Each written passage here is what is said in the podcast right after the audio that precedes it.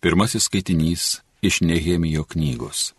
Septintojo mėnesio pirmąją dieną kunigas Esdras atsinešė įstatymo knygą į susirinkimą, kurin susėjo vyrai ir moterys, bei visi galintys suprasti. Nuo ankstaus ryto iki vidudienio aikštėje prie vandens vartų Esdras skaitė iš knygos vyrams ir moteriams, bei tiems, kurie galėjo suprasti. Visa tauta atidžiai klausėsi skaitomo įstatymo.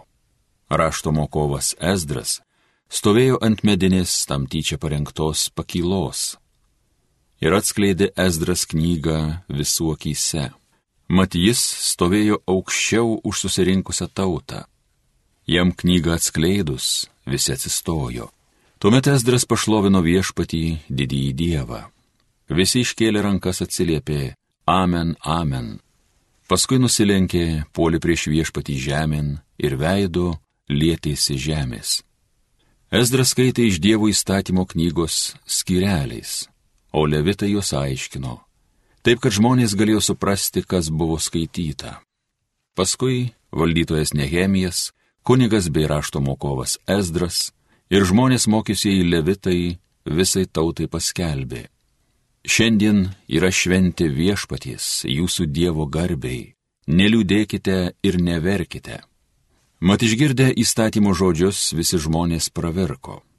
Ir tarė jiems Esdras. Eikite, gerai pavalgykite ir išgerkite saldaus vyno. Šio to pasiūskite ir tiems, kurie patys nieko neturi, nes šiandien yra šventė viešpaties garbiai. Nebūkite susirūpinę, nes džiaugimasis viešpačiu yra mūsų stiprybė. Tai Dievo žodis.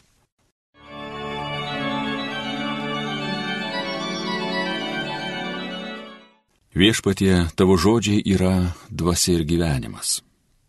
Tobulas viešpaties duotas teisynas, jis dvasia gaivina. Pasakymas viešpaties tvirtas, išminties moko varguolį. Viešpatie, Tavo žodžiai yra dvasia ir gyvenimas. Įsakymai viešpaties tiesūs džiugina širdis, paliepimas viešpaties tyras, akims duoda šviesybę. Viešpatie, tavo žodžiai yra dvasia ir gyvenimas. Viešpaties baimė grina, tveria per amžius, viešpaties sprendimai tikri, visi aliai vieno teisingi. Viešpatie, tavo žodžiai yra dvasia ir gyvenimas.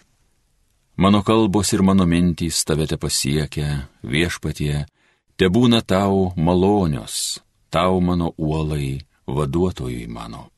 Viešpatie, tavo žodžiai yra dvasia ir gyvenimas.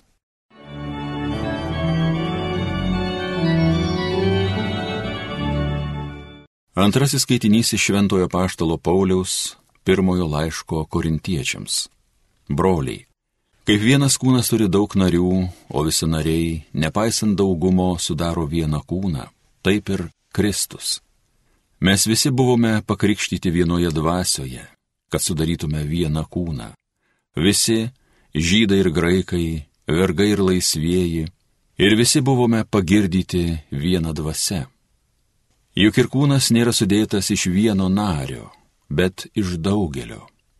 Jei koja imtų ir pasakytų, kadangi aš neranka, tai nepriklausau kūnui, argi dėl to ji nepriklausytų kūnui? O jeigu ausis tartų, kadangi aš ne akis, tai aš nepriklausau kūnui, argi dėl to ji ir nepriklausytų kūnui? Jei visas kūnas te būtų akis, tai kur pasidėtų klausa? O jei visas klausa, tai kur uoslė? Bet dabar Dievas sudėlėjo kūnę narius ir kiekvieną iš jų kaip panorėjo. Jei visuma te būtų vienas narys, kur beliktų kūnas. Bet dabar narių daug, o kūnas vienas. Akis negali pasakyti rankai, man tavęs nereikia, o galva kojoms, man jūsų nereikia. Priešingai, tariamai silpnesnėji kūno nariai yra kur kas reikalingesni. Tuos kūno narius, kuriuos laikome mažiau garbingais, Mes apsupame ypatingą pagarbą ir mūsų gėdingiausiai nariai gaubiami didesnio padoromo, kurio neprivalo mūsų padorėjai nariai. Taigi tvarkydamas kūną Dievas skyrė daugiau pagarbos tiems nariams, kurie jo stokojo, kad kūne nebūtų susiskaldimo ir patys nariai rūpintųsi vieni kitais. Tad jei kenčia vienas narys, su juo kenčia ir visi nariai. Jei kuris narys pagerbiamas, su juo džiaugiasi visi nariai. Jūs esate Kristaus kūnas ir atskiri jo nariai. Ir tuo būdu Dievas kai kuriuos paskyrė bažnyčioje, pirmiausia paštalais, antra pranašais, trečia mokytojais, paskui eina stebuklų darimas, po to gydymo dovanos, pagalbos teikimas, vadovavimas, įvairių kalbų dovanos, ar visi apaštalai, ar visi mokytojai, ar visi stebukladariai, ar visi turi gydymo dovanų, ar visi kalba kalbomis, ar visi aiškintojai. Tai Dievo žodis. Alleluja, alleluja, alleluja. Viešpats mane pasiuntė nešti gerosios naujienos vargdienėms, skelbti belaisviams išvadavimo.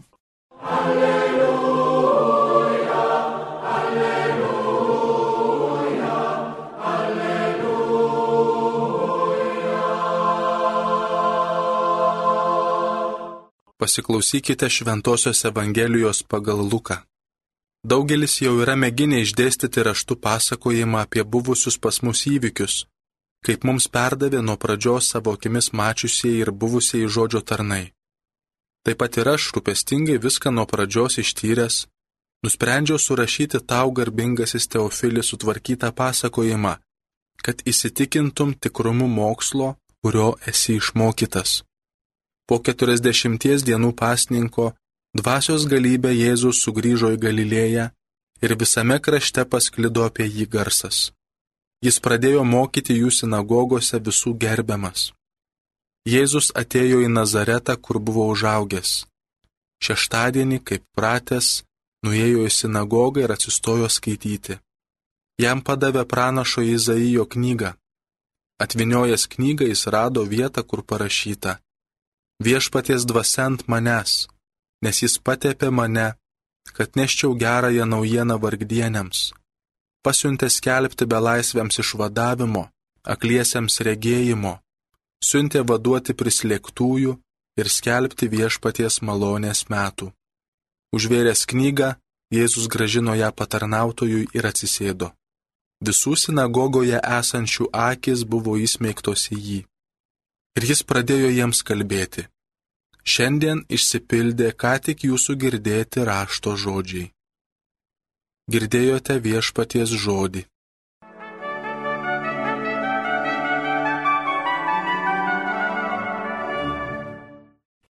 Mėly Marijos radio klausytojai, šis trečiasis metų eilinis sekmadienis popiežiaus pavedimu yra laikomas Dievo žodžio sekmadieniu ir skatina mus susimastyti, ką tas žodis reiškia mūsų gyvenimui.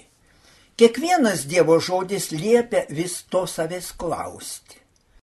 Paimkime, kad ir antrą šio sekmadienio skaitinį iš Šventojo apaštalo Pauliaus pirmojo laiško korintiečiams. Kaip talentingai apaštas Paulius išaiškina visų mūsų kūno narių svarbumą net savotiškai jūs juokauja. Akis negali pasakyti rankai, man tavęs nereikia, ar galva kojoms, man jūsų nereikia.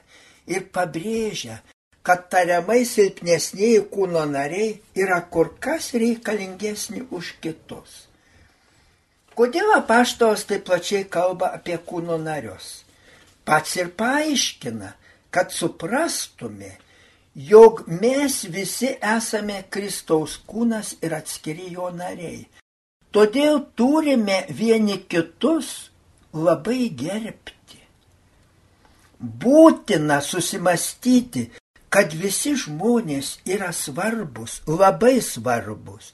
Negalima skirstyti, kad tas žmogus geresnis, o anas blogesnis. Juk vienas iš pagrindinių Jėzaus mokymų neteiskite ir nebusite teisiami. Vienas iš pagrindinių mokymų. Koks be būtų žmogus, iš jo turime ko nors pasimokyti. Juk mus moko ir mokytojai, ir gydytojai, ir pranašai, ir apaštalai, ir švento rašto aiškintojai, bei rašytojai, sako apaštalas Paulius. Taip, ne tik švento rašto rašytojai, bet ir rašytojai kuriejai mus labai daug ko moko. Ir rašytojų žodis padeda mums suvokti, kaip turime gyventi. Vienas iš daugiausia pasaulyje skaitomų rašytojų yra Levas Tolstojus. Dauguma jo kūrinių yra tiesiog pasaulinės kūrybos meistriškumo viršūnė.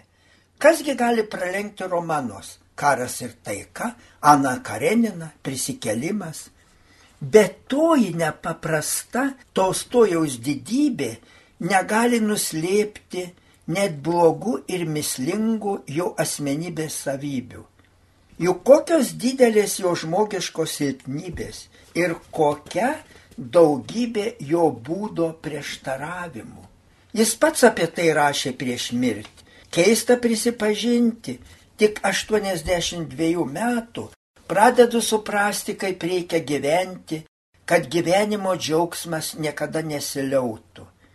Mes visi mielai paklaustume, juk paklaustume šio didžiojo rašytojo, kaip jis padarė savo gyvenimo pabaigą džiaugsmingą, kad ir mes taip gyventume, norisi paklausti. Deja, mirusieji nebeatsako jokių klausimų. O visgi yra galimybė sulaukti atsakymų į tą klausimą. Ir būtent jo apsakymė, kiek žemės žmogui reikia. Esminiai pagrindiniai dalykai tame apsakymė atsakyti. Valstietis Pahomas mato, kad yra sėkmingiau ir turtingiau už jį gyvenančių. Ir jis to nori.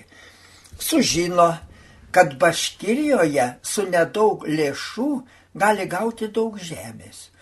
Už tūkstantį rublių parduodama tiek žemės, kiek tu per dieną jos apeisi. Tik vieno reikia neužmiršti - ėjimą reikia pabaigti ten, kur te pradėjai. Jei nespėsi sugrįžti, nieko negausi ir pinigai prapuola. Ir štai Pahomas ankstų rytą užmoka tūkstantį rublių ir suka, suka didžiausią lanką ženklindamas ribas. Ir skuba, skuba, o diena baisiai karšta, bet jis vis toliau ir toliau eina. Vakarop jau skuba ten, kur pradėjo, nes apima baimė, jau bijo, kad nebespės. Tai bėga iš visų jėgų ir atbėgo, kai saulė jau leidžiasi, bet krito negyvas. Kiek jam tada bereikia žemės? Juk kiekvienas galime atsakyti, atsakyti liūdnai ir su šypsena. O kur pagrindinė pahomo klaida? Kodėl jis norėjo kuo didesnį plotą gauti? Kodėl? Kodėl? Kad pralenktų kitus. Save lygino su kitais. Vis tas lyginimas dažnai žlugdo žmonės. Jau kaino su Abelio problema buvo tas lyginimas, kuris privedė kainą prie brolžudiško pavydo, net prie brolžudystės. Baisiausias lyginimas, kai galvojama apie kitą, jis nevertas mano dėmesio, jis kvailas ar atsilikęs. Tai sakyčiau, paaugliškas lyginimas. Štai pasakojama. Vienas jaunuolis skundžiasi rašytojui Markui Tvenui kad nebesusikalba su savo tėvu. Tokie baisus ir neprotingi tėvo reikalavimai, kad nors bėg iš namų. Dažnai net galvoju, kad tėvas kvailas. Iš tai, ką pasakė Markas Tvenas rašytojas. Žinok, brolyti, kad tai buvo ir su mano tėvu. Kai buvau 16 metų, mano tėvas tikrai buvo kvailas. Bet vėliau pastebėjau, kad jo protas liktai auga, kad jis darosi po truputį išmintingesnis. Jau kai buvau 26, išgirsdavau tėvo išmintingų, protingų minčių, mane sudominančių minčių. Kai sulaukiau 46, matau, kad tėvo protingumas labai išaugo, labai. Jau galiu su juo tartis. O 56 ėmiau visada klausti tėvo patarimų. nes pamačiau, kad jis daug daugiau už mane žino, jo nepaprastai turtinga gyvenimo patirtis. Taip auga mūsų tėvų protas. Brangiai, o ko čia moko Markas Tvinas? Neskubėk vertinti ir teisti. Pažiūrėk plačiau, pagalvok, kodėl tėvas to reikalauja iš tavęs, kodėl jis taip galvoja. Svarbiausia tas kodėl, kodėl. Prisimenu iš savo vaikystės. Mėgau ką nors pasodinti, vis kokį naują augalą. Tai žinodamas kaimynų berniokas man pasakė, turiu naują augalų visą saują sėklų. Ir pasiūlė, mainom ant vinių, kaip žmonės sako, čviekų. Aš visą dėžutę tėvo vinių išmainiau į tą saują. Iš tai tėvas atėjo dirbti. Jis prižadėjęs buvo kaiminui iki rydienos vežimą sutaisyti, o vinių tai nebėra. Jo darbas sukliudytas. Nutvėrė tada mane ir gavau diržo kaip reikalas. Bet žinokit, žinokit, tada man buvo gaila ne savęs, o tėvo. Žinojau, kad jis tai daro iš meilės mums. Jisgi dirbo, kad išlaikytų mūsų gausią šeimą. Va kas svarbiausia, kad vaikai jaustų, kad vaikai matytų, jog tėvai juos myli. Brangiai prisipažinsiu, Dabar mane labai slegia Lietuvos susiskaldimas. Taip išriškėja sausio 13. Tas daugelio žmonių galvojimas, kad Seimo nariai ir vyriausybė nemyli Lietuvos. Prieš 31 metus barikados ir tvoros buvo skirtos gintis nuo svetimųjų, o dabar nuo savų. Verkti reikia, tikrai verkti. Kai vyriškis invalido vežimėlėje išrekia karčius skaudžius priekaištus. Aš čia būdėjau tada sausi, o jūs dabar mane laikysit kaip gyvulį aptvertą.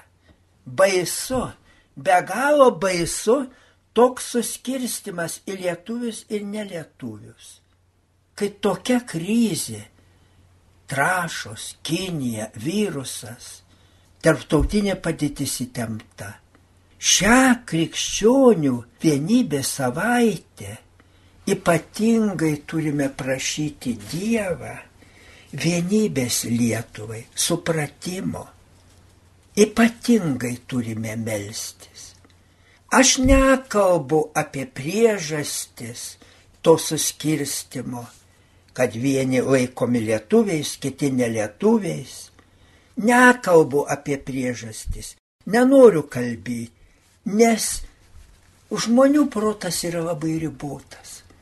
Dievas tai gali sutvarkyti. Reikia, kad kuo daugiau žmonių melstusi. Melskime, brangus Marijos radio klausytojai. Ypatingai prašykim Dievą tarpusavio meilės vienybės mums lietuviams. Prašykime, kad tai suprastų ir Seimo nariai, ir vyriausybės nariai, ir kiekvienas, kiekvienas žmogus. Amen.